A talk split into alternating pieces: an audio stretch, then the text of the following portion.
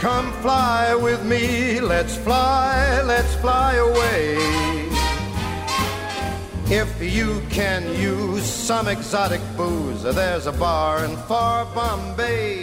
Okej, men du, eh, då önskar jag er, eh, jag hälsar er varmt välkomna till eh, det goda samtalet. Tack. Bord Tack, 5, restaurang Pontus, avsnitt nummer 4.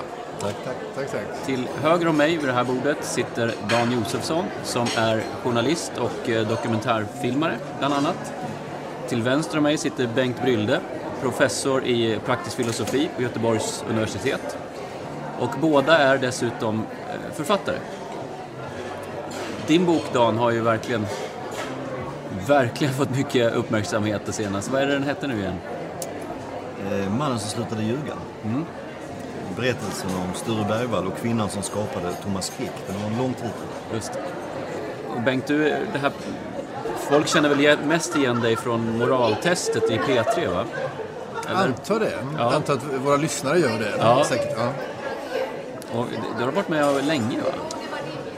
ja, jag var med alltså, från det programmet Christer började tills det slutade. Det började tror jag 2003 eller något sånt där och så slutade det på nyårsafton 2013. Min fråga till er eh, herrar, mina kära herrar, är Anta att du har, eh, på vägen hem här sen, så har du 50 spänn i, liksom du vet att du har en 50-lapp i fickan.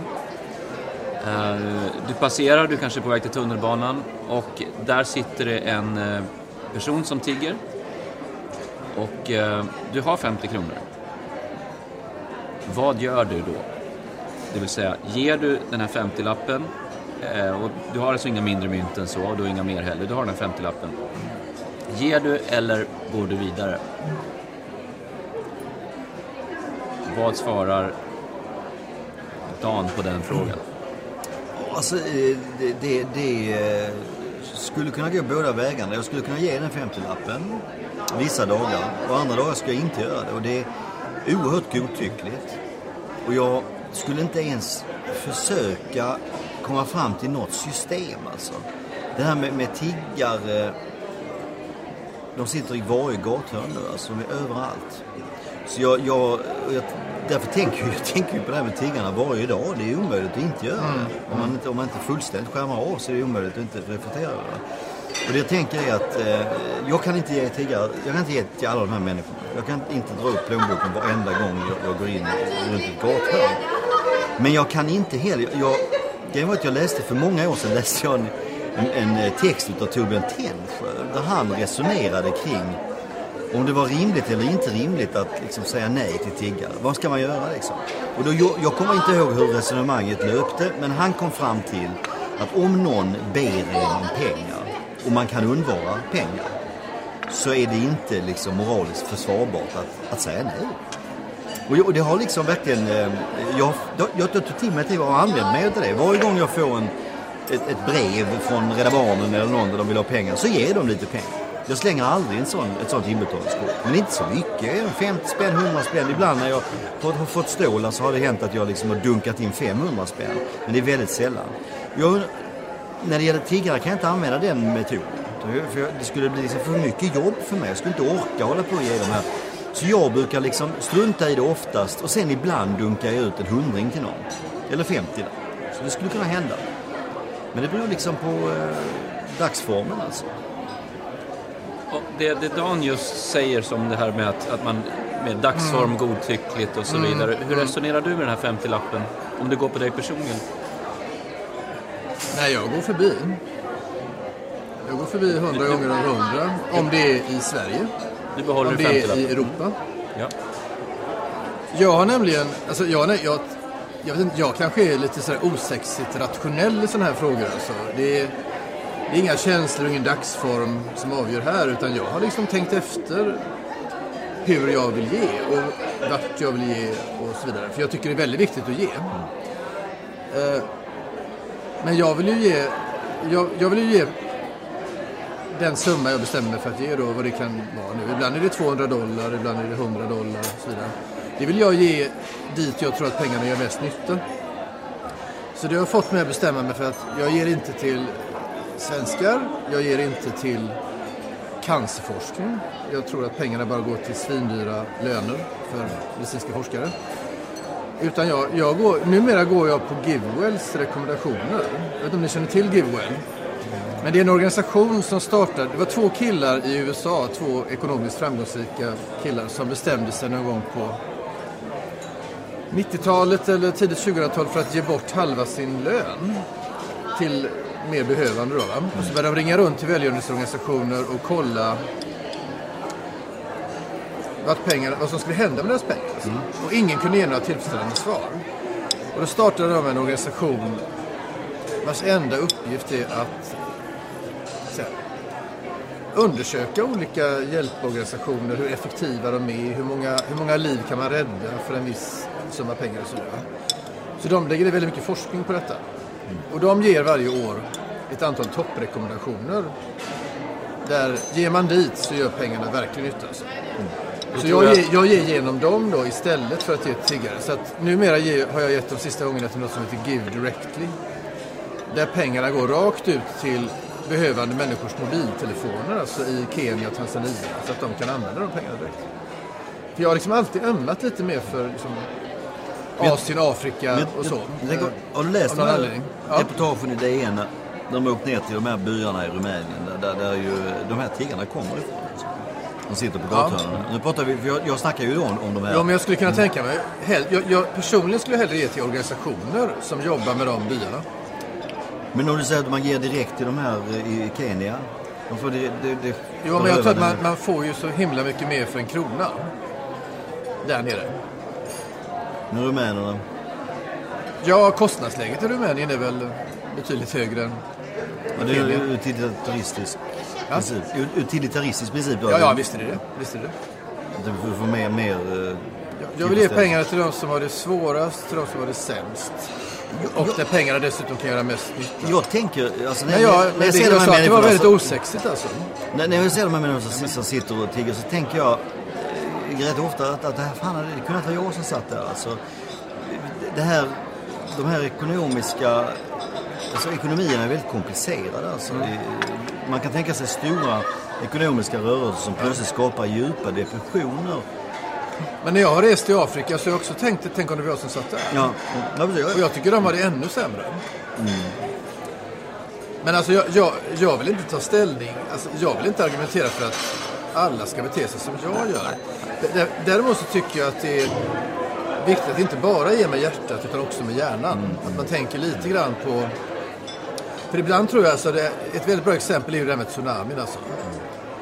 De här organisationerna som skulle hjälpa de drabbade efter tsunamin, de fick ju fruktansvärt mycket pengar. Alldeles för mycket pengar. Va? Det där är ju ett ständigt, ständigt Och återkommande fenomen. Och så blir man- pengarna öronmärkta Ja, ja. eh, och så kunde man inte göra någonting annat med dem medan den här lågintensiva svältkatastrofer och annat lidande pågick hela tiden samtidigt. Men det här var liksom nyheter, det var drama, det var en olyckshändelse, svenskar var inblandade på ett hörn och så. Eller efter ett september i USA så, så, var, så fick ju de anhöriga till de som dog. Alltså, de fick ju eh, storleksordningen en miljon var alltså. Därför att folk ville liksom stötta dem. Så alla springer som får i en viss riktning då, när, man, när man går med hjärtat då. Men det är också det du säger att man ska ge till organisationer. Det är ju det de organisationerna håller på med. De håller ju på med detta. De går ut och gör kampanjer som funkar med hur, vad medierna vill skriva om för tillfället. Och då får de in en fruktansvärd massa pengar till vissa. Och du säger den här organisationen du pratar om håller på naturligtvis att sålla bort det då och försöker hitta sånt som inte... Ja, jag tycker man kan ge till organisationer som, in, som, som har många strängar på sin lyra Ja. kanske. och Så. Alltså, Läkare utan gränser är ju en annan av mina favoriter som jobbar över hela världen och, Ja, och som också- kan skifta fokus när nya grejer händer och sånt. Mm. Men, men jag vill absolut inte argumentera för att man inte ska ge till tiggare som Bo Rothstein gjorde till exempel. Så det tycker jag är en Nej, jag väldigt hårresa- förvånad. Hårresande tes. Jag. Jag kan förstå att man tycker att, att det är viktigare att verka för strukturella förändringar som vi en gång gjorde i Sverige. Ja. Men då får man ju göra det också. Ja, Eh, ja. Och man får på något sätt tänka att, att det ska hända. Ja, men det, det där med att, att man eh, ska tvinga fram en strukturell förändring genom att, genom att då hålla tillbaka sina stålar så att nöden ökar och sen ska det på något sätt tvinga fram en förändring. Ja, det är inget bra. Nej, jag, jag, tänk, jag tänker, jag kan inte komma ifrån den då. Jag tänker på de här reportagen man ser. Det är inte så långt härifrån alltså, som folk sitter och de bor fan på en, en soptipp med sina barn liksom. Och det finns inga stålar liksom. De har inte sjukvård, de har ingenting. Alltså, de har inte rinnande vatten. De, de... Och så till slut så drivs de att åka iväg i en buss och ta sig till Sverige och sätta sig på ett gathörn och visa upp en bild på sina barn. Och då, då kommer liksom Sverigedemokraterna och säger stoppa det organiserade tiggeriet. Du ska föreställa ett organiserat tiggeri. Det är ju organiserat. Organiserat är det ju, men ingen organiserad brottslighet är det Nej, de, de, de organiserar sig på det sättet att de försöker ta sig hit på ett Ja. kostnadseffektivt sätt. Ja, och så ser man att de har mobilkontakt med varandra och så är det någon som åker runt och delar ut mat. Och, så de är ju organiserade på det sättet, Ja, men det är jag inget menar fel människor måste ju finns det inget försöka fel organisera sig liksom. Absolut. absolut. Så att, så att i princip då så är det här eh, medborgare som utnyttjar sina demokratiska rättigheter enligt EU-fördraget. Ja, det är ju, Så att det är det- ju en rörlighet. eh, det Ja, klart de har ju rätt att sitta här och de, de bryter inte mot några lagar och de, de gör väl inget fel. Så, Problemet är ju det att, att det finns ju inget tillfredsställande svar egentligen på vad man kan göra eftersom ett tillfredsställande svar skulle vara att göra någon form av stor kollektiv lösning som gjorde att tiggarna jag inte kan- behövde sitta där. Alltså. Vi kan inte genom att ge, det har ju både Rothstein naturligtvis rätt, vi ska ju inte ha någon illusion om att vi kan ge pengar i gathörnen till tiggarna och dra liv. Det kommer ju aldrig att hända. Utan det här är ju ett symptom på ett djupt liggande ekonomiskt problem. ja, ja det är, man kan ju säga vad, vad som har hänt är att det, det är en ny typ av globalisering alltså. Det- Så, alltså I Sverige, vi, vi, har ju, vi har ju sedan 30-talet ungefär, så har ju vi varit förskonade från detta. Alltså, I och med att vi, vi genomförde vissa typer av politiska reformer då, vilket gjorde att ja, tiggeri och välgörenhet gick ner och man fick liksom rättigheter istället. Va? Välfärdsrättigheter av olika slag. Va? Vilket att vi, vi byggde ju bort det här problemet för oss själva. Däremot så har ju vi alltid varit delaktiga i exploateringen av omvärlden och den fattiga delen av världen och så. Men den har inte gjort sig påmind alltså. De har liksom inte kommit hit. Nu kommer de hit, ett, ett litet gäng. Eh, jag tycker dock att, att man inte får stirra sig blind just på rumäner och romer och så, utan jag tycker att man bör känna till att 1,4 miljarder människor lever i extrem fattigdom idag i världen.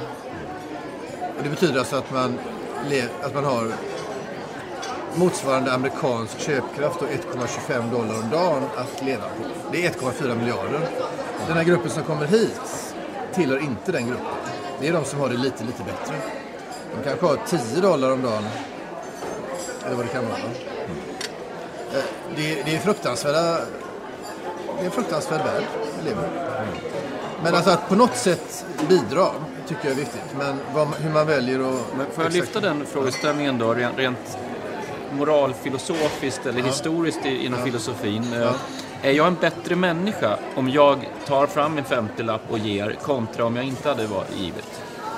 Jag tycker det beror på hur du använder den 50-lappen annars. Men Låt säga att jag använder den för den privat konsumtion. Ja. ja, ja, ja det tycker jag. I, någon, i, någon, i alla fall i just det. detta avseende så är du en bättre människa. Ja. För mig, det, det jag definierar som en god människa, det är en människa som eh, eh, hjälper till att göra världen till en säkrare plats för, för, för oss alla. Och om man på något sätt är villig att ge en medmänniska hjälp när de behöver hjälp. Då skapar man en större trygghet för alla. För man sprider en form av beteende som vi alla har nytta av. Alltså jag, jag hade en, en sån diskussion på nätet för många år sedan med en nyliberal som menade att det här att man skulle ställa krav på att någon skulle hjälpa någon annan människa, det var liksom helt absurt. Det var liksom att inkräkta på andras frihet. Jag sa till honom att du, utan att förstå det, så lever du ju delvis på en trygghet som skapas av att andra människor är villiga att hjälpa dig. Eh, annars hade ditt liv varit oerhört skrämmande. Om du inte visste om du ramlar ner på gatan med ett hjärtproblem, att, folk är villiga att springa fram. Skulle ju, det skulle ju bli läskigt alltså. Här, även den här liksom libertarianen lever ju egentligen omimbäddat i en trygghet som han ju. Han vet, gott, han vet att folk, folk inte är totala egoister. Klart att, de kommer att hjälpa varandra. Och att de kommer att känna sig tvingade att göra det. Det är liksom, det är ju... Men Du pratar alltså om någon form av kantsk eh, pliktetik eller någonting. Men min tanke, varför jag lyfte den här frågeställningen var ändå att om jag gör det för att jag mår bättre av att ge. Än, jag, jag skulle inte kunna njuta av den ölen i så fall. Ehm, en del hävdar ju då att det är fort, du, du gör det inte... Man ska inte vara så godtrogen och tro att man är en bättre människa utan man, du gör det fortfarande av egoistiska skäl. Jag mår bättre av att jag ger. Här, här får man vara lite noggrann tycker jag. För att det, det är en sak. Alltså, jag har hållit på mycket med lyckoforskning som du kanske känner till. Och, och lyckoforskare har ju upptäckt att om man ger så mår man bättre. Så de har ju till och med föreslagit det som, ett, som en strategi att själv må bättre, alltså att man ger. Ehm, då är ju motivet för att ge är ju att själv må bättre då. Men sen så kan det ju vara att man man ger av andra skäl men så märker man att man själv mår bättre det. det. Det kan ju aldrig vara fel med det. Men jag tycker, jag tycker också att herregud, det viktiga är att folk ger, inte varför man ger. Eh, Sen kan man tycka att man är lite mer nobel och ädel om man ger. Det är klart att, man, att, det, att det är bättre att ha, det är mer, givandet blir mer stabilt om det sker av omsorg om den andra. Men- Men jag tycker Men är att det, är inte viktigt. så att, är det inte så att själva... Alltså att... Jag menar om man ser... eh, Om, om man ser männi, människan som en, någon sorts relationell varelse som, som har- bygger samhällen tillsammans. Det är det vi sysslar med. Så finns det ju liksom ingen riktig motsättning mellan den egna tillfredsställelsen och den kollektiva nyttan.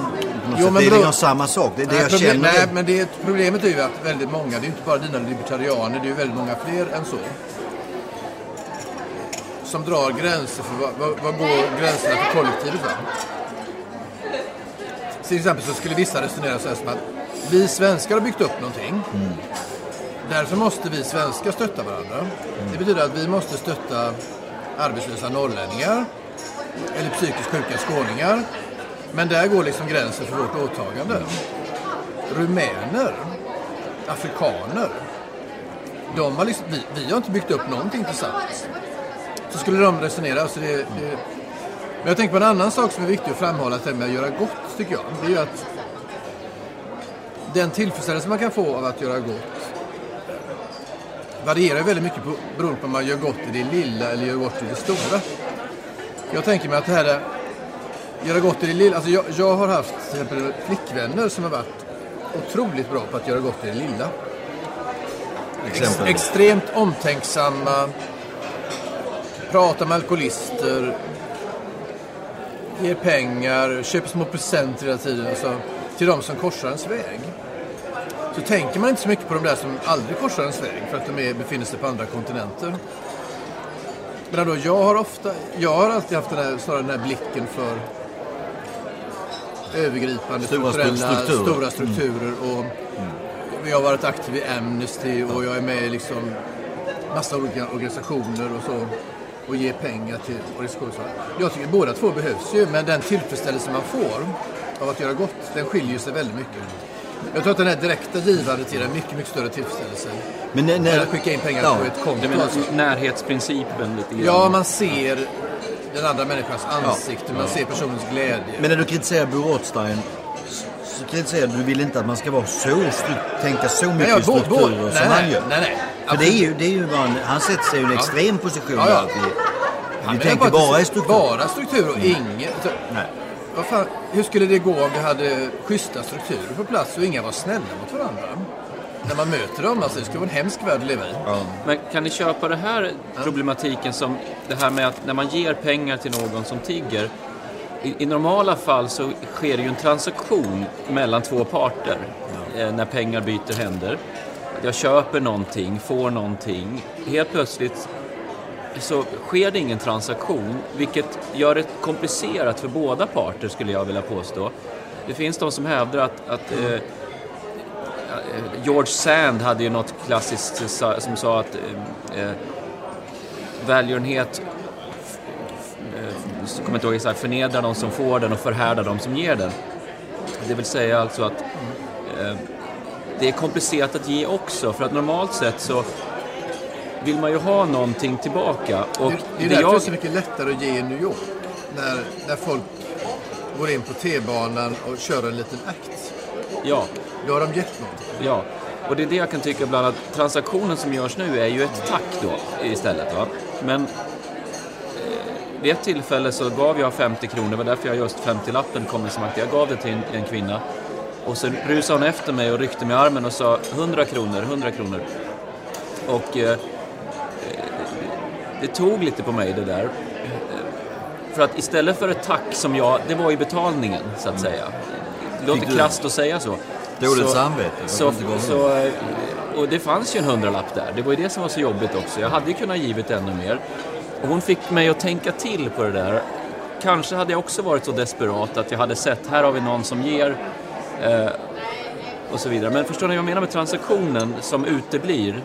Vilket jag tycker är det som är det svåraste Men det som med att ge... men är det inte en transaktion? Det är det en transaktion. Ja, men Tacket. Jo, det är det, är det jag menar. Men det, det är en, jämfört med när jag köper Faktum eller köper en, en, en tidning av någon så är det ju liksom ett på, på, på annorlunda villkor än vad jag... Det är mer vad jag är van vid. Kan ni, kan ni köpa resonemanget? Jag kan köpa resonemang, men jag vill, jag, vill, jag vill eh, dra ett annat resonemang som är lite mer komplicerat så man får ha tungan rätt i mun här. Men hela, hela idén om välgörenhet bygger ju på att våra pengar är rättmätigt våra. Vi kan göra lite hur vi vill med dem och det vore bra om vi gav en del av dem till behövande människor. Men det finns ju ett, ett, ett alternativt sätt att tänka kring det här och det är att rättvisan kräver att vi ger. Det, det är liksom ingen välgörenhetsfråga, det är en rättvisefråga eller en rättighetsfråga. Och tänk så här istället att tänk om den där 50-lappen i någon mening inte är din alltså. Tänk om du, eh, alltså det mest tydliga fallet på det, det är om du hade stulit den från någon. Eh, Då är den ju inte din. va? Men tänk om det är så att eh, ett, ett rättvist system skulle kräva att vi gav 2% i global skatt. Det betyder ju att i någon mening så är ju 2% av vår inkomst då, som vi betraktar som våra, är ju inte våra. Och då är ju då är frågan så här, om det, hela den här tankefiguren kring välgörenhet att det är mitt och nu väljer jag frivilligt att dela med mig om det, om det håller. Eller om man snarare ska se det som att nej, jag har fått liksom för mycket pengar här. Eh, som inte är rättmätigt är mina. Alltså. Och, då, och då blir givande, det blir en helt annan... Och då finns inte transaktionstanken på samma sätt Nej, det kvar. finns inte det. Nej, precis. Och om man ser Eller transaktionen har redan ägt rum. Ja. Transaktionen Det är pengar som ägde inte är rum mina. när, Ja. när, när vi fick in stålar i vår plånbok som inte egentligen är våra. Om man ser samhället som, en, eh, som, ett, som ett system, ett, ett strukturellt system där vi allihopa föd, som vi föds in i Ja. och där vi hamnar i olika positioner dit pengar flödar. Jag menar pengar är ju ingenting, den här 50-lappen är ju ingenting om det inte finns ett enormt komplicerat system som skapar någon form av värde som vi betecknar som 50 spänn. Annars är det en papperslapp som inte är någonting och du har ju inte gett den det värdet. Det är inte du som har gett den det värdet. Det är på, på väldigt låg nivå så kan man säga att det är vår riksbank. Men riksbanken är bara en del i ett globalt ekonomiskt system. Så vi har ju inte skapat det här. Du har inte jobbat ihop en 50-lapp. Så därför kan man ju väldigt enkelt säga detta att vi inte äger de här pengarna. Jag tänker ju ge 100 dollar till Givewell i ditt namn för att du gör det här. Det lovar jag lyssnarna också. Ja. Men det här dåliga samvetet då, har människor givit i, i, historiskt av dåligt samvete eller har man givit av plikt eller hur, hur har det fungerat? Jag, jag, är lite, jag är lite okunnig på det här området alltså, men jag tror att religiösa skäl har varit väldigt framträdande. Det, det är ju fortfarande islam till exempel. Det är ju en av islams man säger, fem pelare va? Att man ska ge någon form av tionde och så. Nu vet inte jag hur, eh, kristna rörelser ser på det här med tionde nu när det finns så hög skatt och sådär och biståndspolitik och allt möjligt. Men just det att man, det, ing, det ingår liksom i någon slags religiösa plikter. Frågan är hur man ska se på de religiösa plikterna. Om de, är, om de bara är moraliska eller om det dessutom är någon slags... Man brukar ju säga att det är med korset, va? Den, den vertikala delen av korset. Det är ju liksom relation människa-människa. Den horisontella är relation människa-Gud. Jag tror att man gör någonting mot Gud också. I, i en religiös föreställningsvärld om man ger Absolut. till behövande. Men, men strukturellt så är det väl någon sorts försäkringssystem. Ett, ett, ett, al- ett alternativt organiserat försäkringssystem. Där man ändå tänker sig att om man skulle hamna längst ner på botten så har man ett system. Men, men Sen sam- ersätter man det med ett skattesystem och en sorts välfärdsstat och då behövs inte det systemet längre. Men, Men är det inte Jag är inte säker på att det är så att, att folk har tänkt så historiskt att det kunde varit jag. va? Ja, men de, Så Jag, jag tror att det har varit sån extrem, extremt skiktade samhällen ofta så att överklassen har nog inte tänkt det kunde varit jag som satt Nej. där i man rännsten gör det för, för, för sin relation till Guds skull. Ja, eller att man bara vill njuta att uttrycka sin makt. Ja. Alltså bara låta... Alltså det är en utåtgående, expressiv, generös rörelse som visar hur bra man är. Eller- Ja, men då, då kommer vi väl tillbaka till att orsaken till att jag ger måste väl ändå vägas in. Om jag är snäll för att jag tror att jag ska få det bättre i, i nästa liv. Eh, eller jag är snäll för att då, då, ser jag, då verkar jag vara en bättre människa inför andra och så vidare. Jag gör det hela tiden för att eh, klättra eller, eller framstå som någonting. Kontra någon som du eh, som då ger i det tysta eller som aldrig berättar det för någon annan. Det skulle vara intressant att höra förresten. Hur ser ni på det? Om, är, det är det en bättre, godare gärning att ge i det tysta kontra att gå ut på Facebook eller någonting och säga nu har jag givit så här mycket. Ja, Peter Singer har ju, som du hänvisar till, han har ju redan gett svaret. Va? Och det var... Jag kan ta vägen om, om uh, Torbjörn Tännsjö istället som jag pratade om tidigare. Jag känner ju Torbjörn och uh, för, för lyssnarna, vem är Torbjörn Tännsjö? Torbjörn Tännsjö? Är professor i praktisk filosofi i Stockholm. Tidigare var han professor, min professor i Göteborg. Och innan dess var han i Stockholm. Men han är ju, han är ju sån här Sveriges enda övertygade utilitarist kan man säga. Ända sedan han var A-student i filosofi. Så han blev direkt övertygad om utilitarismens förträfflighet så han liksom kläm, klamrat sig fast vid den ända sedan dess. Men han gjorde en ganska häftig grej kan få berätta, berätta vad util, util... Utilitarism är helt enkelt eh, den moraliska teori som säger att man alltid ska handla så att konsekvenserna blir så bra som möjligt för så många som möjligt. säga. Jo, han fick, ett, han fick ett stort arv när han var yngre på tror, runt 5 miljoner kronor och gav bort det, de pengarna. Men höll tyst om det. Tills han läste i, i Peter Singers bok Det liv du kan rädda att man ska berätta sånt där för då kan man skapa givarkulturer.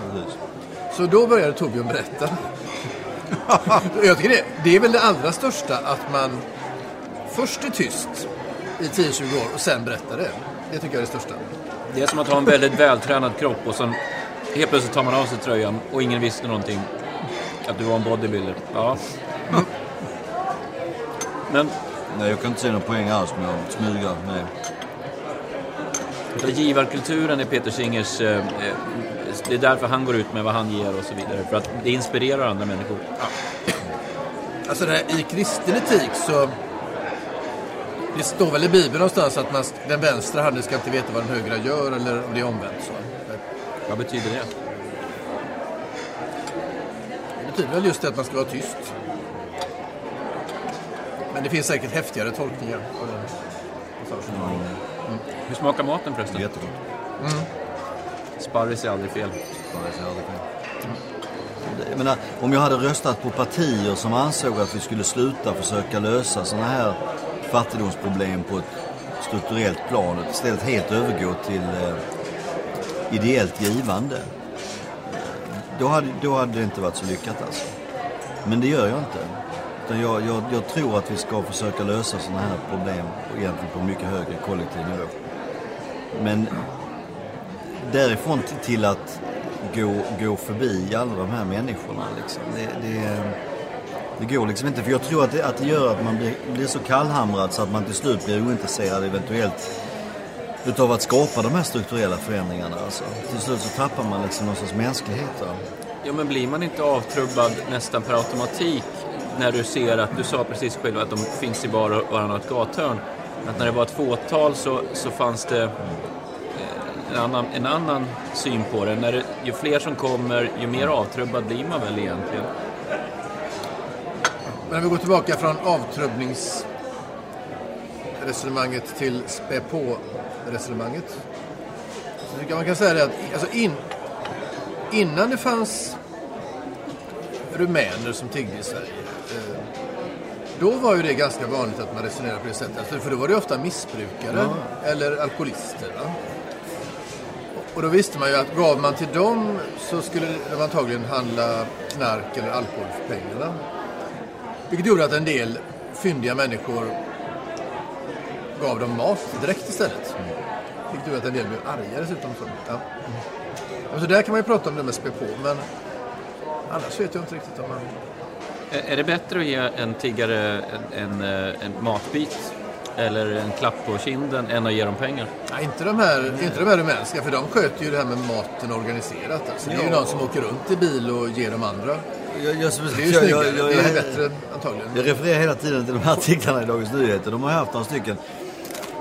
Jag, jag- jag läste någon debattartikel där några menade att de hade åkt runt och sett eh, hur man liksom bygger bättre tak på skjulen med de här tiggarpengarna. Alltså hur det här... Ja. Det handlar liksom om att män- människor får lite drägligare liv. Alltså det är lite mindre risk att, att, det, att, att de drabbas av dödliga epidemier därför de kan bygga lite bättre hus och så här. Det, det är liksom... eh, det Och jag vara- tror att, att, att vi skulle vägra ge de här tiggarna pengar och att det skulle pressa Rumäniens regering till att ta tur, tur med de här problemen. Det, det tror jag är väldigt naivt. Alltså jag, Rumäniens regering bryr sig inte om de här människorna. Det, det kommer inte hända någonting. Så att, var, är det då en, en sämre handling ur ett godhetsperspektiv att ge någon mat kontra att säga här får du pengarna istället så får du själv bestämma om du vill köpa vilken mat? situation de är. För man kan ju också säga att naturligtvis det här med missbruk är ju lite knepigt. Va? Alltså folk som är missbrukare är ju inte riktigt fria. Så att det, om, om en människa har ett eh, inre tvång att eh, köpa sprit för pengar så kanske det var en välgärning att ge dem en hamburgare. För att de skulle må lite bättre av det. Och de skulle inte själva vara förmögna att köpa den här förbannade hamburgaren om de inte fick den i handen. För då skulle de köpt något som var farligt för dem.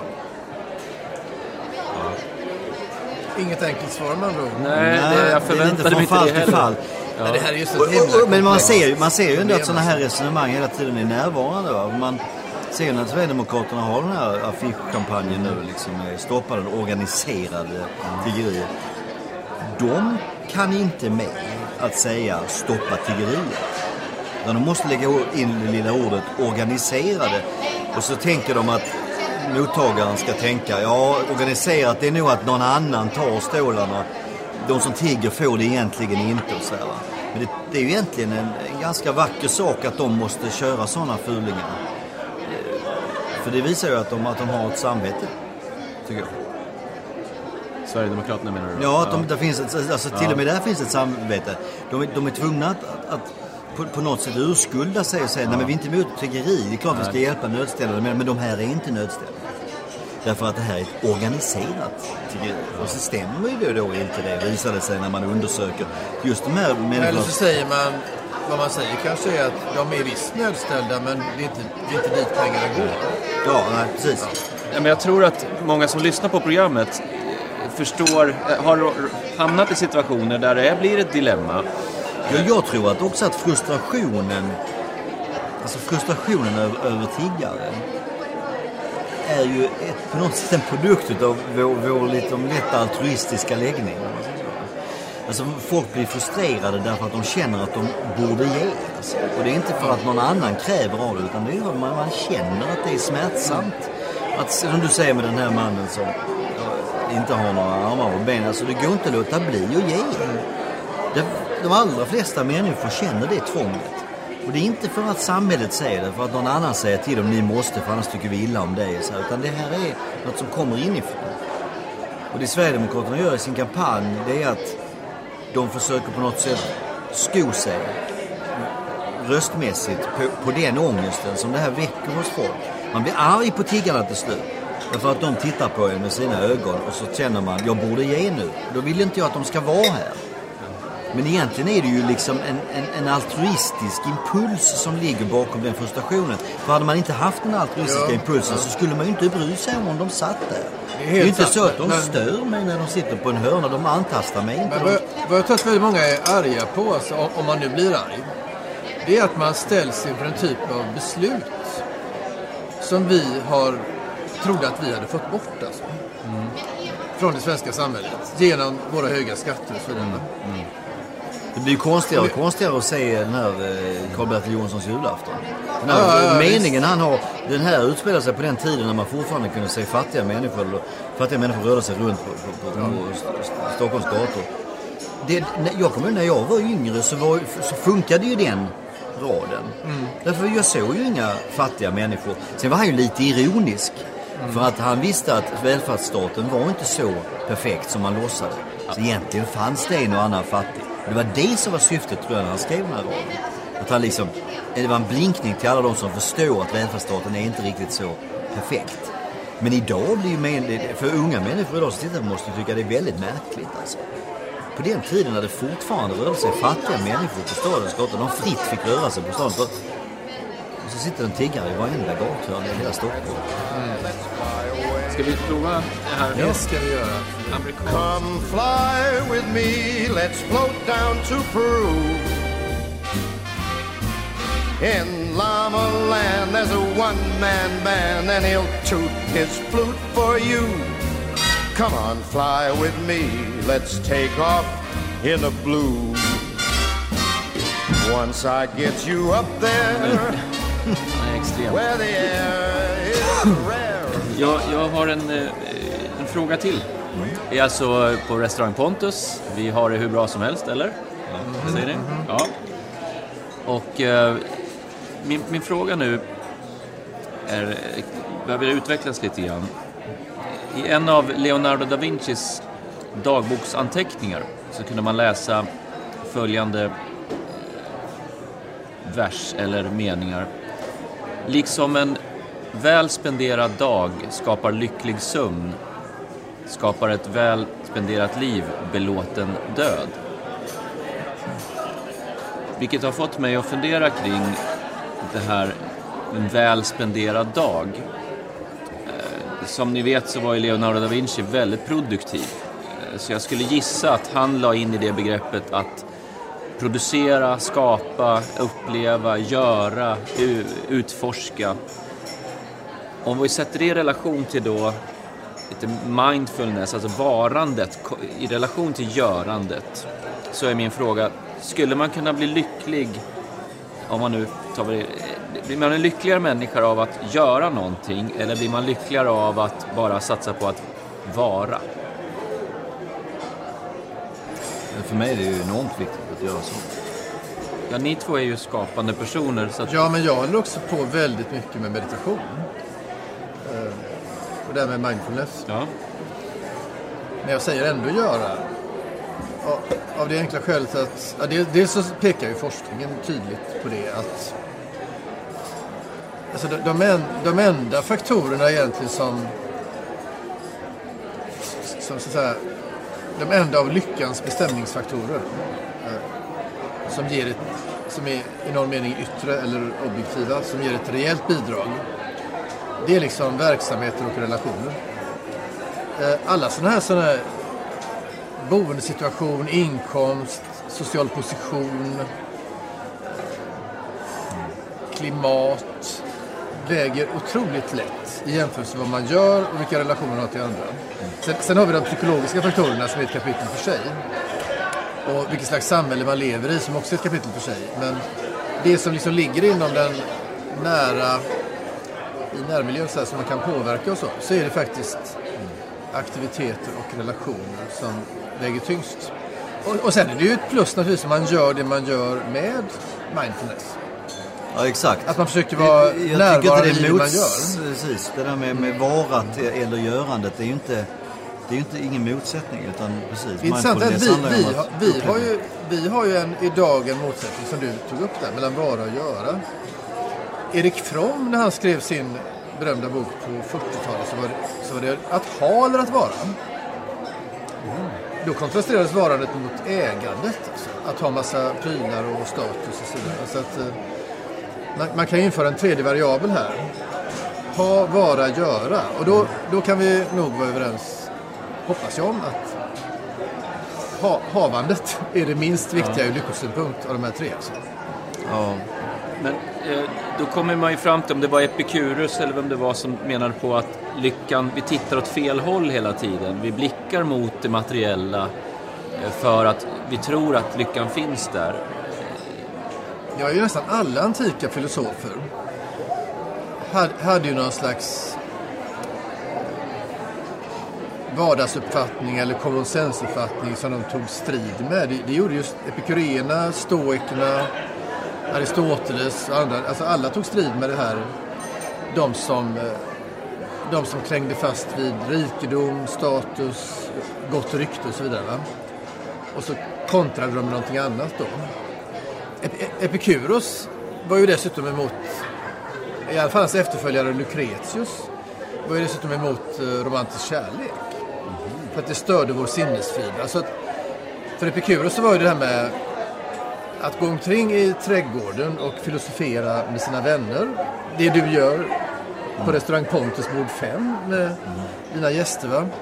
Man dricker lite lagom mycket vin, man, man konverserar över intressanta ämnen och, och man umgås med sina vänner och sådär. Och kanske i en naturskön miljö. Med måtta, så här, utan att en sinnesfrid rubbas. Det, det var ju för Epikuros receptet på lycka kan man säga. Vänner, reflektera eh, och, och ha det Mått- självförsörjning på något sätt. Nej, det är ett måttfullt intag av mat och dryck. Och, alltså, sinnlig, Epikuros var ju bara positiv till sinnlig njutning i den mån den var måttfull.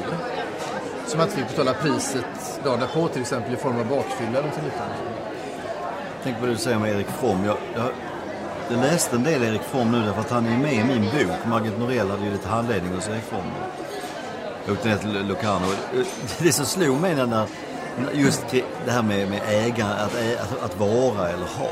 Att han, han är väldigt sådär dömande skulle jag säga att han är, tycker jag. Eh, mot, mot eh, massa eh, fenomen eh, som han inte ägnar sig åt. Eh, och tänkte jag att i dagens läge så hade, hade han inte hade, hade liksom inte han kommit undan riktigt med det han gör där. Därför att han sa ju då att han, han ägde inte liksom så mycket, han var inte intresserad av det. Och det, han, han ville vara. Han fick inga barn, utan han ägnade sig åt att skriva alltid. Under långa perioder producerade han en bok om året. Då? Han hade en fru som tog hand om honom hela tiden. Sen bodde han ju på eh, olika ställen. Han bodde ju i, i Mexiko och i Locarno i Schweiz. Eh, Det, det, vintern var han i Mexiko, på sommaren Locarno i Schweiz. Och sen var han mycket i USA också, för där gavs böcker ut och så här. Så han låg ju och flög mellan tre världsdelar hela tiden då, år ut och år in och hade hus på alla ställena liksom.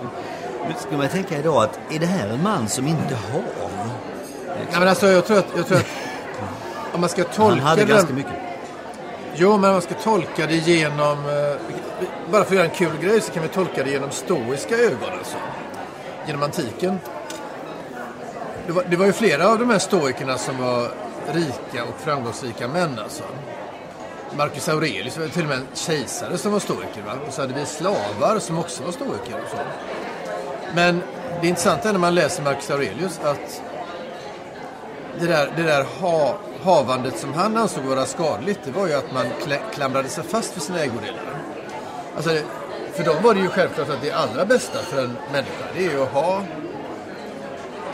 men inte klänga, klänga sig fast vid det man har. Det vill säga att man lätt kan skiljas från det man har. Så att liksom inte ägodelarna tynger ner en och så.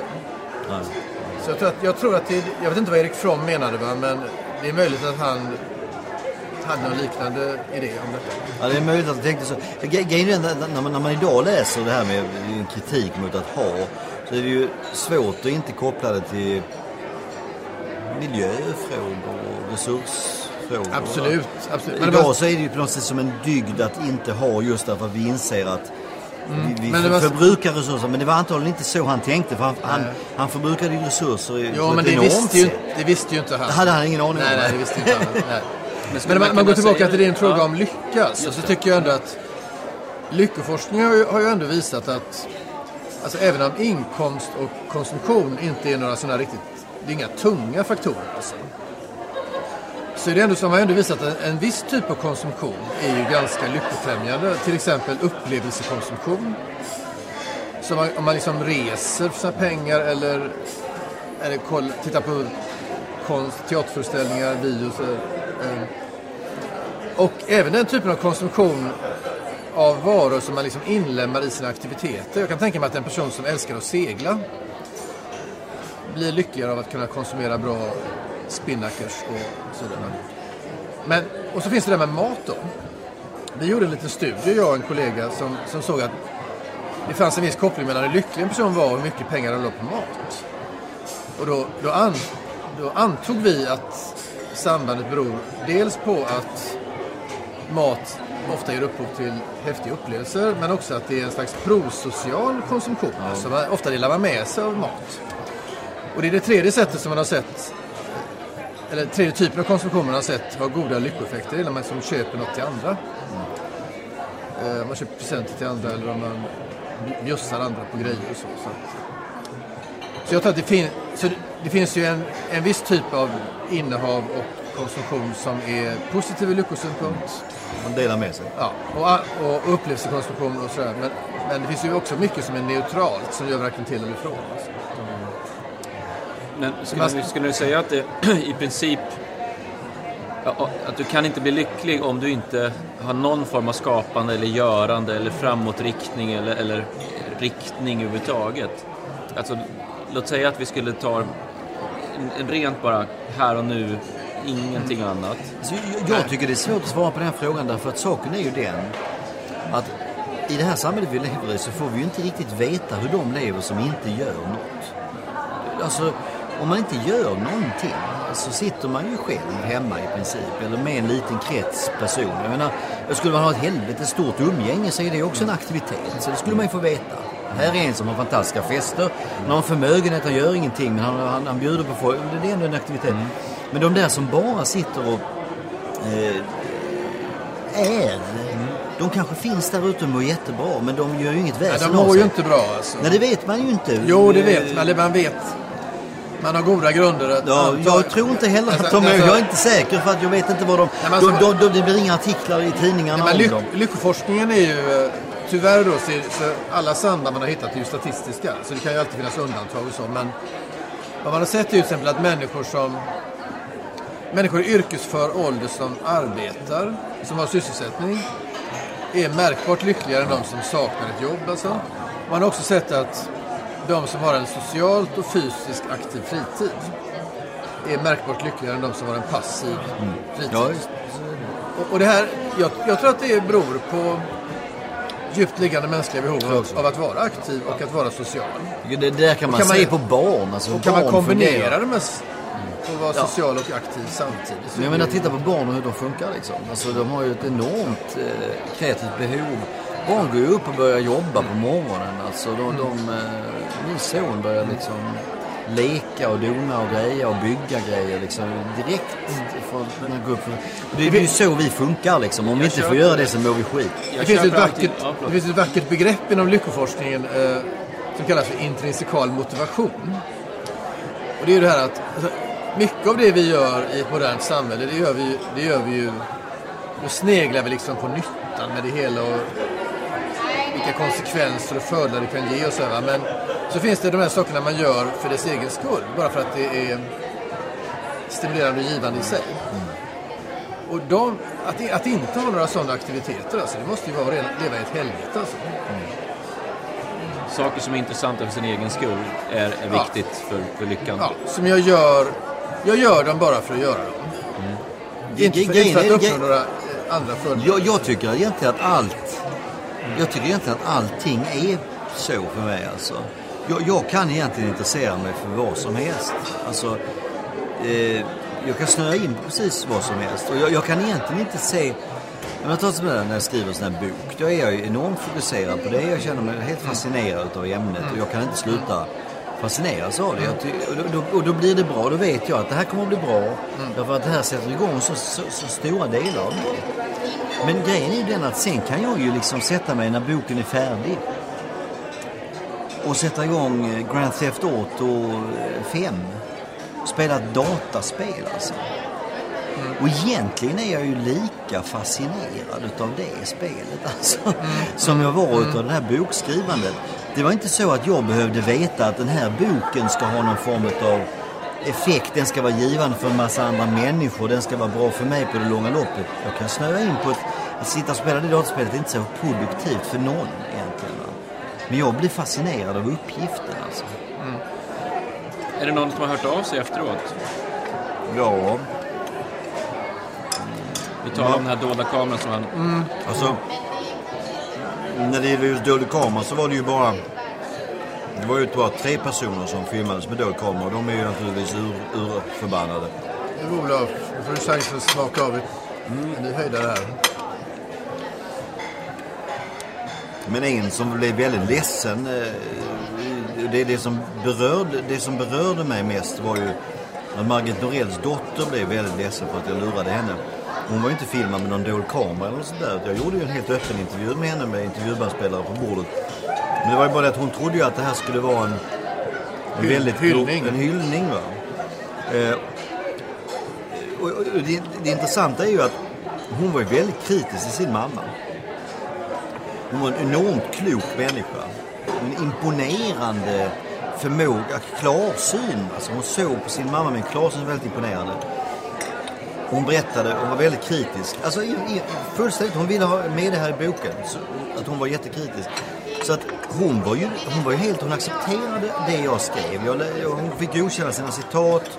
Hon var helt med på det. Men hon blev väldigt ledsen över att jag inte hade redovisat mina verkliga avsikter.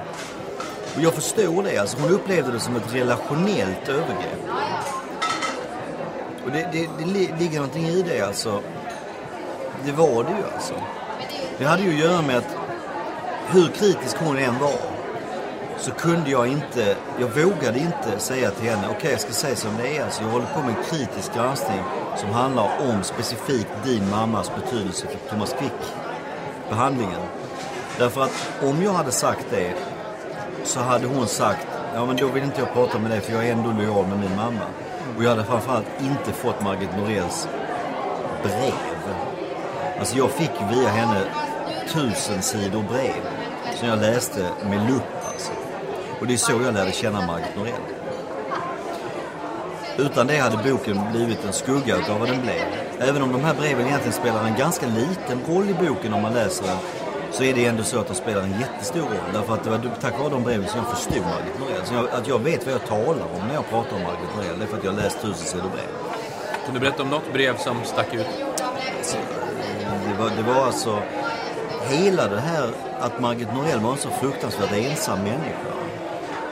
En grundanalys i boken är ju att kvickskandalen skapades av två djupt ensamma människor som var inkapabla att forma vettiga, meningsskapande, varma, känslomässiga relationer med, med andra människor. Den ena var Margit Norell som levde i total isolering alltså. Hon kunde inte. Och den andra är Sture Bergman precis lika ensam. Hon eh, ägnade sig åt ensamhetsproblematik hela sitt liv för att hon hade den hela tiden in på sig. Och försökte hjälpa andra på sitt mycket bakvända sätt. Hon försökte hjälpa Sture. Hon såg att han var ensam. Hade hon goda avsikter? Ja, det hade hon. Margit Norell var den minst cyniska människa man kan tänka sig. Hon var alltså en idealist. Hon, hon trodde på idéer, hon trodde på teoriernas makt och Men du vet, kraft. men du vet en ondska som, som är ett resultat av goda avsikter. Att avslöja den måste ju alltid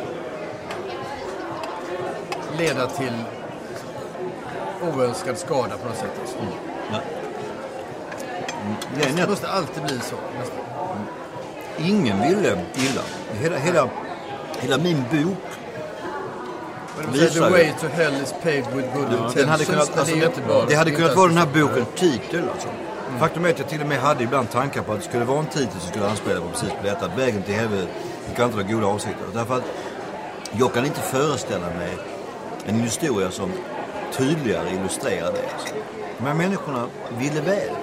Margit ville, alltså hon ville så fruktansvärt väl. Hon var vän med Erik From. Hon var liksom socialist. Hon var oegennyttig. Hon, hon, hon, valde, hon kommer alltså från en av de rikaste familjerna i hela Sverige. Hon valde bort hela det här överklasslivet. För att ett, ett, alltså, under många, många, många år levde hon ju i fattigdom alltså. Självpåtaget. Helt och.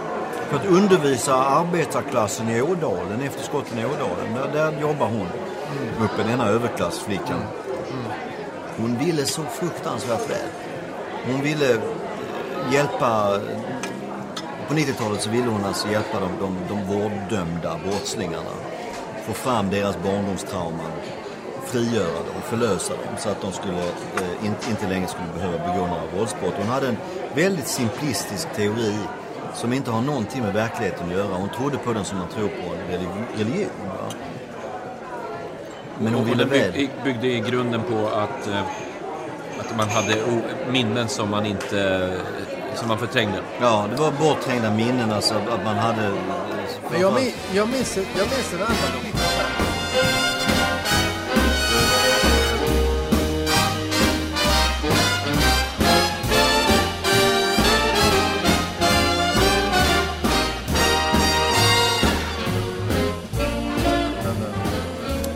lyssnar på Goda samtalet och vi är framme vid fråga tre. Jag hoppas ni har lika trevligt eh, som lyssnare som vi har här vid bordet.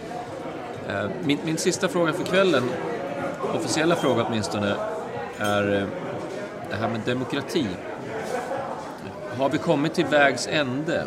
Eh, är det här det optimala, eh, eller, eller som Churchill skulle säga, ett vedervärdigt system men eh, eh Förutom, förutom, de, ja, förutom de alla andra som vi har testat som är ännu värre. Eh, Ska vi sluta testa fler alternativ eller eh, fanns det något inom filosofin eh, som eh, skulle vi kunna ha några upplysta despoter? Eh, Har vi provat den teorin fullt ut? Eller är demokratin det sista anhalten? Jag, jag tror det. Alltså, alltså, jag kan inte komma på någonting bättre. Jag, jag, jag tror att upplysta despoter det kan funka alldeles utmärkt om man råkar få en bra despot. Men eh, som system betraktat så, så håller det inte. Jag har extremt mycket att säga om detta. Ja, så jag vet inte om jag ska ösa på bara, eller ta en idé i taget här. Nej, men alltså, pe- personligen måste jag säga tyst att jag, jag är ju en stark anhängare av demokratin. Och den sidan då, alltså om man är anhängare av demokrati, då är man ju anhängare av en beslutsprocess. Oavsett, oavsett vilka beslut som kommer ut av den processen. Annars kan man inte kalla sig för demokrat. Eh, det finns ju folk som, som eh, smusslar undan den här motsättningen genom att låtsas som att demokratin alltid fattar de bästa besluten, vilket ju är nonsens alltså. Men jag tror att i genomsnitt så, att säga, så är det ju så att demokratin fattar bättre beslut än alternativa system. Men, men demokraten i mig tycker ju att det här är ju fullständigt otillräckligt med representativ demokrati. Då, då vill jag ha direktdemokrati. Åtminstone enligt någon slags schweizisk modell eller amerikansk modell där man ju har eh, ja, möj- möjlighet att få upp vissa saker till folkomröstning genom namninsamlingar. Man har möjlighet att folkomrösta, beslutande folkomröstningar i fler frågor och så vidare. Va? Så det är liksom ena sidan av mig. Jag vill absolut gå åt det hållet och, och det finns också stöd i lyckoforskningen för att folk blir lyckligare av det, att få vara mer delaktiga i processen. Och så. Men å andra sidan så är jag också en, en person som tycker att klimathotet är värt att ta på allvar. Och där kan jag ju se att liberala demokratier kommer ju på sikt, alltså idag är det ju Kina som förstör mest. Eh, Men på sikt så kommer det vara liberala demokratier som förstör mest. Eftersom man kommer aldrig att bli framröstad i en liberal demokrati om man vill ha en radikal klimatpolitik. Och inför man det när man sitter vid makten så kommer man aldrig bli omröstad. Eh, så, så det, för mig är det en djup spänning mellan de här två förkärlekarna jag har. Jag vill att man ska lösa klimatfrågan, fattigdomsfrågan och så vidare. Det har man inte lyckats med genom frivilliga överenskommelser mellan demokratiska länder. Å andra sidan så hur, hur skulle man lyckas med det på något annat sätt? Nej, alltså jag... Jag vet inte vilket det här andra sättet skulle vara. Jag vet bara att... Liber- mil- jag militär- nej, jag, jag vet, nej, jag vet inte vad det är. Eh, Jag måste, Utförd av jag klimatvänner? måste helt enkelt passa där. Jag ser bara liksom att liberala demokratier... Alltså, det är möjligt att en... Hade vi haft en global liberal demokrati, då skulle frågan kunna lösas. Det tror jag. Men så länge vi har nationella liberala Det demokratier vill säga, vi har inte demokrati. som ska frivilligt komma överens. Ja, det är en sån här poäng jag velat komma till senare då. Det här att inte vilken nivå man vill ha demokrati på. Alltså. För det finns ju demokratiforskare som har visat att alltså, i takt med att allt fler länder blir demokratier så blir ju också nationalstaterna svagare på grund av ekonomisk glo- globalisering och så. Vilket gör att det här, den här, de här framstegen blir liksom uppätna av de fruktansvärda begränsningar som nationella ledare måste ta hänsyn till. Det blir någon sorts race mot botten liksom. Det kan det bli i vissa fall, ja. Precis. Framförallt när fattiga länder blir demokratiska och måste acceptera en, en väldig massa krav från marknaden eller från Världsbanken eller IMF eller vad det nu kan vara. Så då, då sitter man där med sin demokrati och kan liksom inte, inte, Inte använda den. beslut, nej. nej. Inte, det var mycket på en gång här. Du får, Ja, men, du får men eh, fokusera på något. om vi skulle bara lyfta fram någon alternativ teori som åtminstone som inte behöver vara eh, skräckscenariot. Men vad har man provat mer än det här? Alltså, vi, vi, Alltså alternativet måste ju vara ett system vi inte har provat. Till exempel ett, ett system som jag... Det är väldigt, alltså allting blir ju väldigt utopiskt nu. Men ett system som jag gärna skulle se... Det är, alltså, om vi tänker så här, var, varför demokrati? Om vi ställer den frågan. Vad, vad är det som är bra med demokrati? Det finns ju massor med för och nackdelar med demokrati. Och så, men, men för mig så är demokratins grundtanke det man kan kalla för påverkansprincipen att alla människor vars liv påverkas av ett beslut ska få vara med och ha inflytande över det beslutet. Alltså. Enligt den logiken så skulle ju all, alla världens medborgare få rösträtt i USA.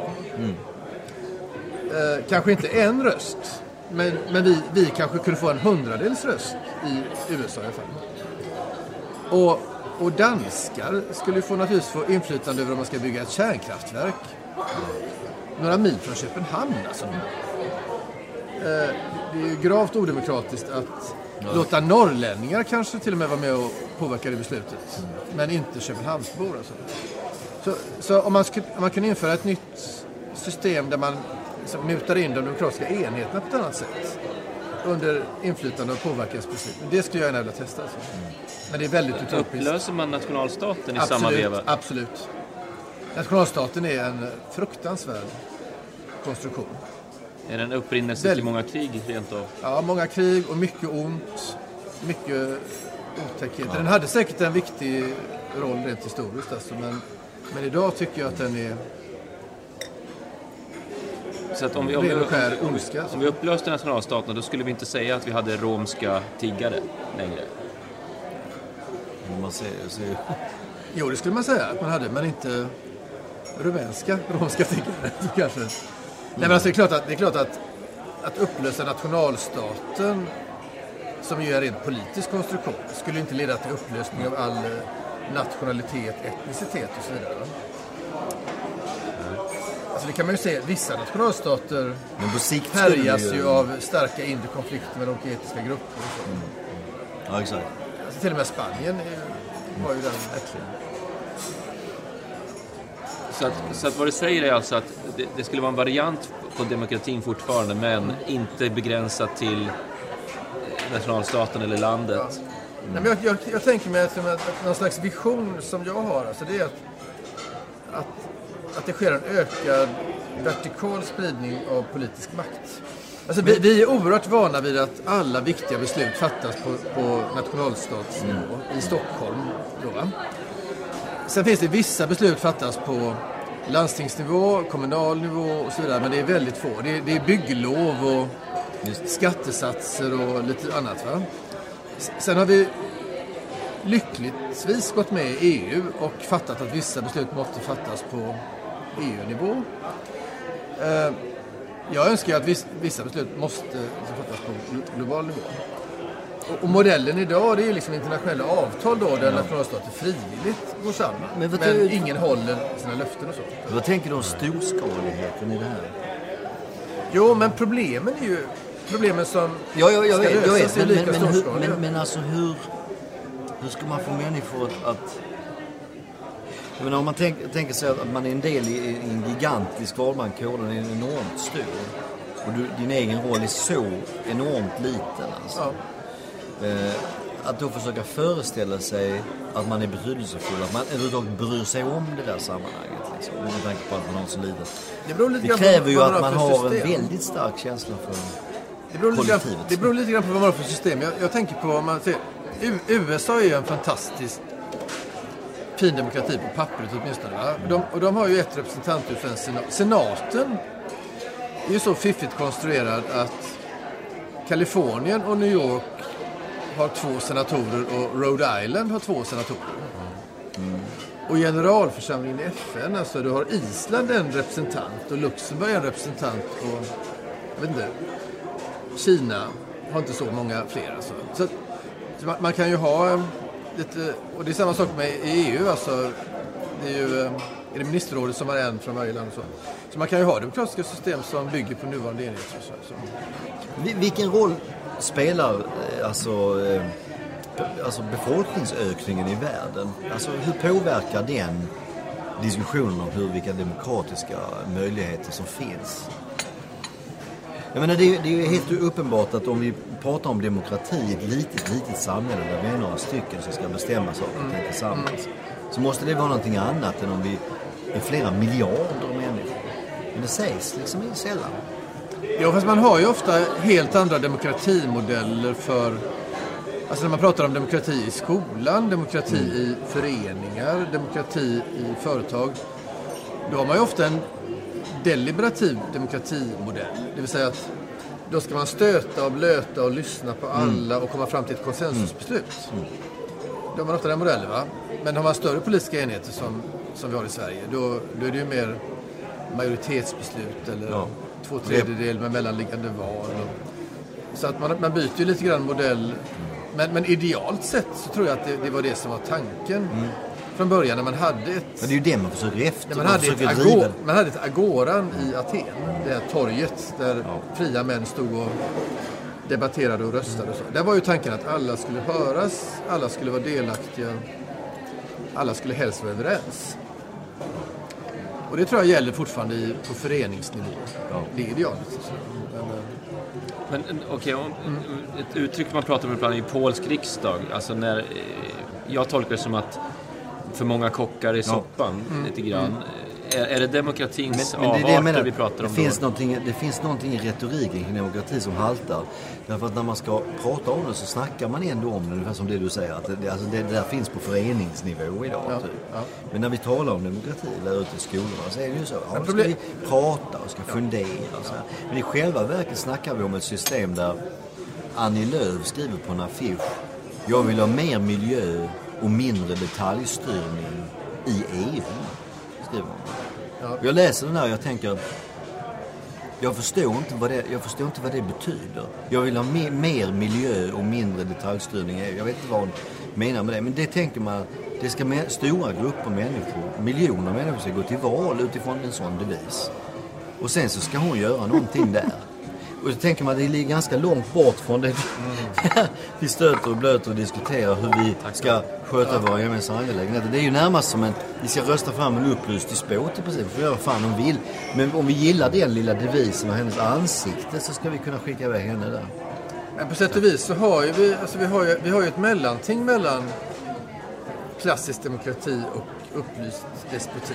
Alltså, Och det kallas ju för representativ demokrati. representativ demokrati. Och för där sitter ju representanterna då och dissar folkets önskningar Hela tiden. i vissa frågor. Och Skydda folket från sig själva. Ja, ibland är det bra tycker jag. För att, eh, för att om, om nu folket skulle vara för dödsstraff exempelvis. Så skulle ju representanterna se till att det inte blir dödsstraff ändå. Så ibland är ju representanterna mer progressiva än folket. tror jag. I och för sig. Kan man ha en skendemokrati? Eh, Men det tänker jag... Det är väl det vi har. Det är väl det vi Jo, har. men om du tänker en lärare till exempel så ska idag läraren presentera någon form av...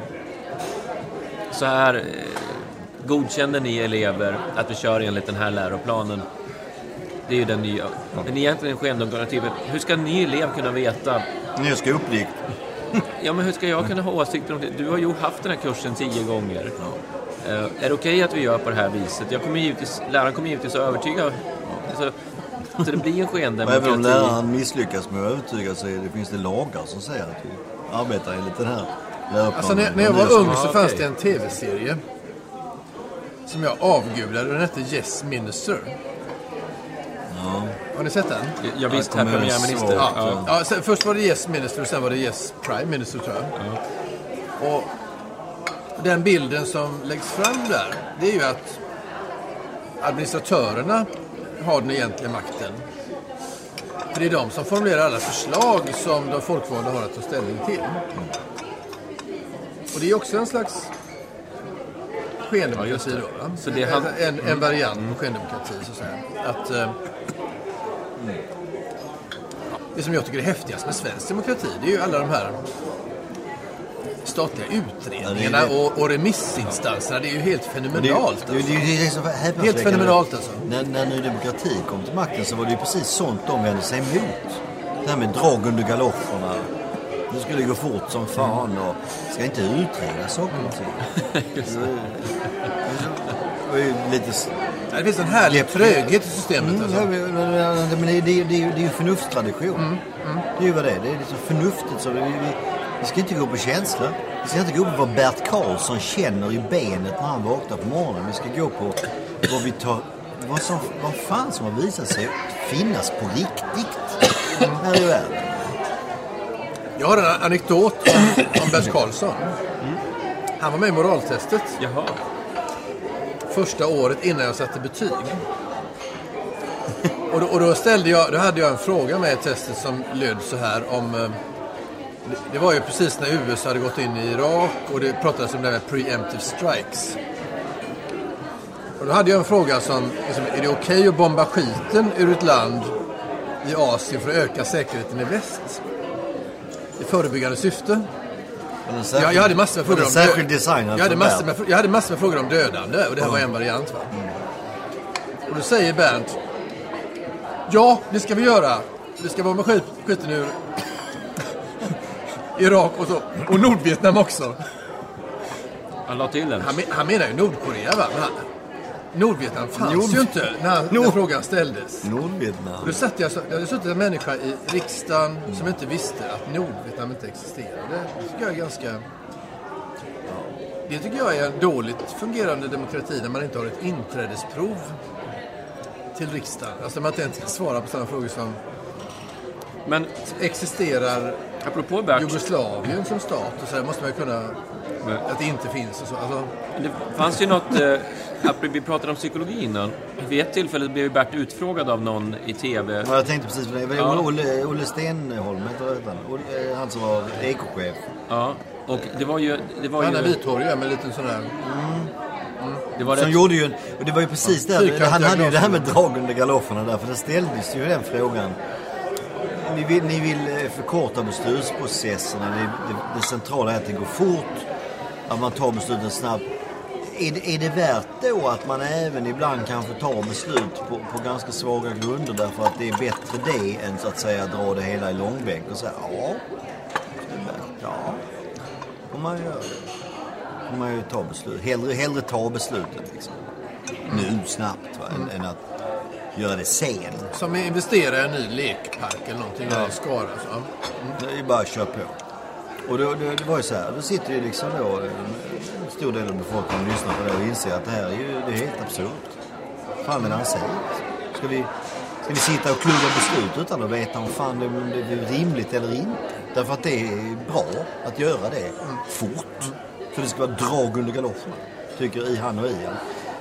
Men det var ju det dagen efter alltså. Så visade det sig att han, han, han gjorde samma seger. Alltså Bert gjorde samma seger i den intervjun som Torbjörn Fälldin gjorde mot Palme. Palme var smart. Torbjörn Fälldin spelade dum.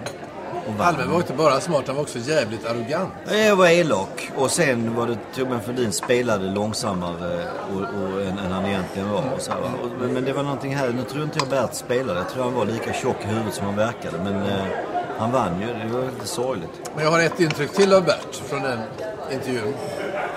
Och det är att han är en ganska snäll människa. Alltså jag tror, jag, ja, vi, vi pratade ju tidigare om det med att göra gott i det stora och det lilla. Jag tror, att han är, jag tror att han är en ganska generös person som är ganska snäll mot de som korsar hans väg. Men är det de större sammanhangen? Det, det är där hans idéer blir... Precis som din gamla, onda, riktigt onda som din gamla flickvän. Du hade, tror inte du en gamla flickvän som också hade det problemet? Som, som gick, tog, de som korsade vägen blev... Ja, de blir, ja, ja. det var flera gamla flickor. Ja, det var fler. Det var därför det tog tid Det är att bara, ja, precis. Det. Men, Det är eh, lätt att falla Du dras. Det Det blir ju så. Det blir så. men Det hur är är svårare det? att falla för världsförbättrare som Ja. inte har tid att träffas. Nej, som skiter i det. Göra aktioner. Ägnar sig åt annat hela tiden. Har du några fler namn, stöld. Fler namn som dyker upp i, i moraltestet av, av alla du har testat genom Absolut. åren? Vill du ha dem bra eller de dåliga? Ja, det skulle vara kul att höra två ytterligheter. De som står ut som riktigt, riktigt duktiga det är Susanne Osten. Det är prästen Olle Karlsson. Det är prästen Lennart Koskinen. Det är Cecilia Malmström. Birgitta Olsson. Eh, Jan Guillou. Var jag minns. Klockrena femmor allihopa. Det intressanta om Cecilia Malmström fick jag också en anekdot för att jag, jag har en kollega vars flickvän jobbade, gjorde praktik i EU på Cecilias stab. Och när Cecilia fick förfrågan om att vara med i moraltestet då satte hon sina medarbetare på att göra research på, hur, på, tidigare, på tidigare program. Åh. Så hon var lite dopad. Ja, ja, det var faktiskt... Men det var också väldigt lärorikt att få höra det. Alltså, så, så gör de alltså, de som är riktigt slipade. Alltså. Och då, då sjönk hon liksom i Nej, men moraltestet. jag, hon är skitduktig alltså. alltså så här, det, det finns... Sen tycker jag också att Gustaf Du Fridolin... får, du får lägga till en fråga på slutet. Sista frågan är, har du gjort research? Har du letat upp vad du ska svara? Men jag har... Alltså det, det finns en viss liten falang inom Folkpartiet faktiskt som jag har stor aktning för. Alltså. Dit hör inte deras partiledare. Som verkar ha ett totalförakt för forskning, bildning. Alltså all, alla jag känner som är disputerade i pedagogik är ju rasande för att han inte tar intryck av någon pedagogisk forskning överhuvudtaget. Alltså. Utan det är bara det här vad han mådde bäst. Jag mådde bäst av att bli pryglad när jag var liten. Ja, Alltså, precis. ja, sådär? Titta på mig då. Ja, han, går, han går bara på anekdotisk evidens. Vilket är trist. Men, nej, men det finns en falang inom Folkpartiet där det är extremt duktiga personer. Alltså. Och det finns även inom vänstern skulle jag säga en sån tradition och inom Miljöpartiet. Men i övrigt så finns det ju ett totalförakt för bildning. Inom Centern, sossarna, Moderaterna, SD. Totalt förakt alltså. Kan du komma på någon fråga som de här som fick femma, eh, någon klurig fråga som du, som du blev Nej. Jag tror inte, alltså, det, det är ju aldrig jag som har bestämt. Jag gjorde en frågebank till moraltestet. Och sen var det ju programledarna som bestämde vem som ska väljas ut och vilka frågor de ska få. Och allt jag fick, det var ju en färdigklippt version av deras svar. Och då, och då satt jag och analyserade svaren och gav betyg. Du fick, var det blind? Rättningen skedde blint? Nej, nej, jag visste ju vem det var. Ja, okej. ja, det, det hör man ju också på rösten. Ja, just det. Men är de allra flesta fall så jag hade ju ingen aning om vilka de här personerna var. För jag är ju inte sån som hänger med precis. Genom att sitta och titta på TV på fredagskvällar och sådär. Nej, klart. Svårt, svårt. Men de, de frågorna som inte oftast har ställts, det är ju det här med, det är det här med dödande, när det är okej och inte okej i olika situationer. Det här med om rätten till autonomi implicerar att vi borde tillåta droger. Det är det här med, har vi förpliktelser mot dem som utanför den närmaste kretsen, alltså världens fattiga och sådana saker. Och det är mycket av de frågorna som kommit igen då. Men kan man inte komma på vad man borde svara? Alltså, Jo men alltså det är ju inte det jag har bedömt. Samtidigt är Jag har det ganska aldrig, jag, jag har svårt. aldrig bedömt, jag har ju aldrig bedömt om jag tycker att svaren är bra eller inte. Utan jag har bara bedömt argumenten. Det har ju vi, det har ju vi, det påpekade vi igen och igen och igen. Att, alltså ibland var jag nästan, jag ska inte överdriva, gråtfärdig när jag, när jag liksom är tvungen att ge riktigt goda människor en tvåa. De har så... För att de har så snurriga argument. Va? Som jag minns Nina Persson. Som- inte bara verkar vara en väldigt god människa utan en fantastisk artist alltså. Fick jag henne en tvåa, men jag var tvungen att lägga till det då att jag skulle hemskt gärna vilja leva i en värld där alla var som Nina Persson. Men jag kan inte ge henne mer, för att hon kan inte argumentera för sin sak. Hon, hon, har, hon går bara på magkänsla. Sen råkar jag ju då hålla med henne om hennes magkänsla, men det räcker ju inte riktigt. Vi har haft en eh, härlig kväll på restaurang Pontus. Jag har varit här med Dan Josefsson och Bengt Brylde. Vi har pratat om eh, världen i det stora och det lilla. Vi har pratat om människan. Vi har pratat om dilemman som man hamnar i som människa. Vi har haft en härlig kväll och eh, tack så mycket för att ni har lyssnat. Come fly with me, let's fly, let's fly away. If you can use some exotic booze, there's a bar in far Bombay. Come on and fly with me. Let's fly, let's fly away. Come fly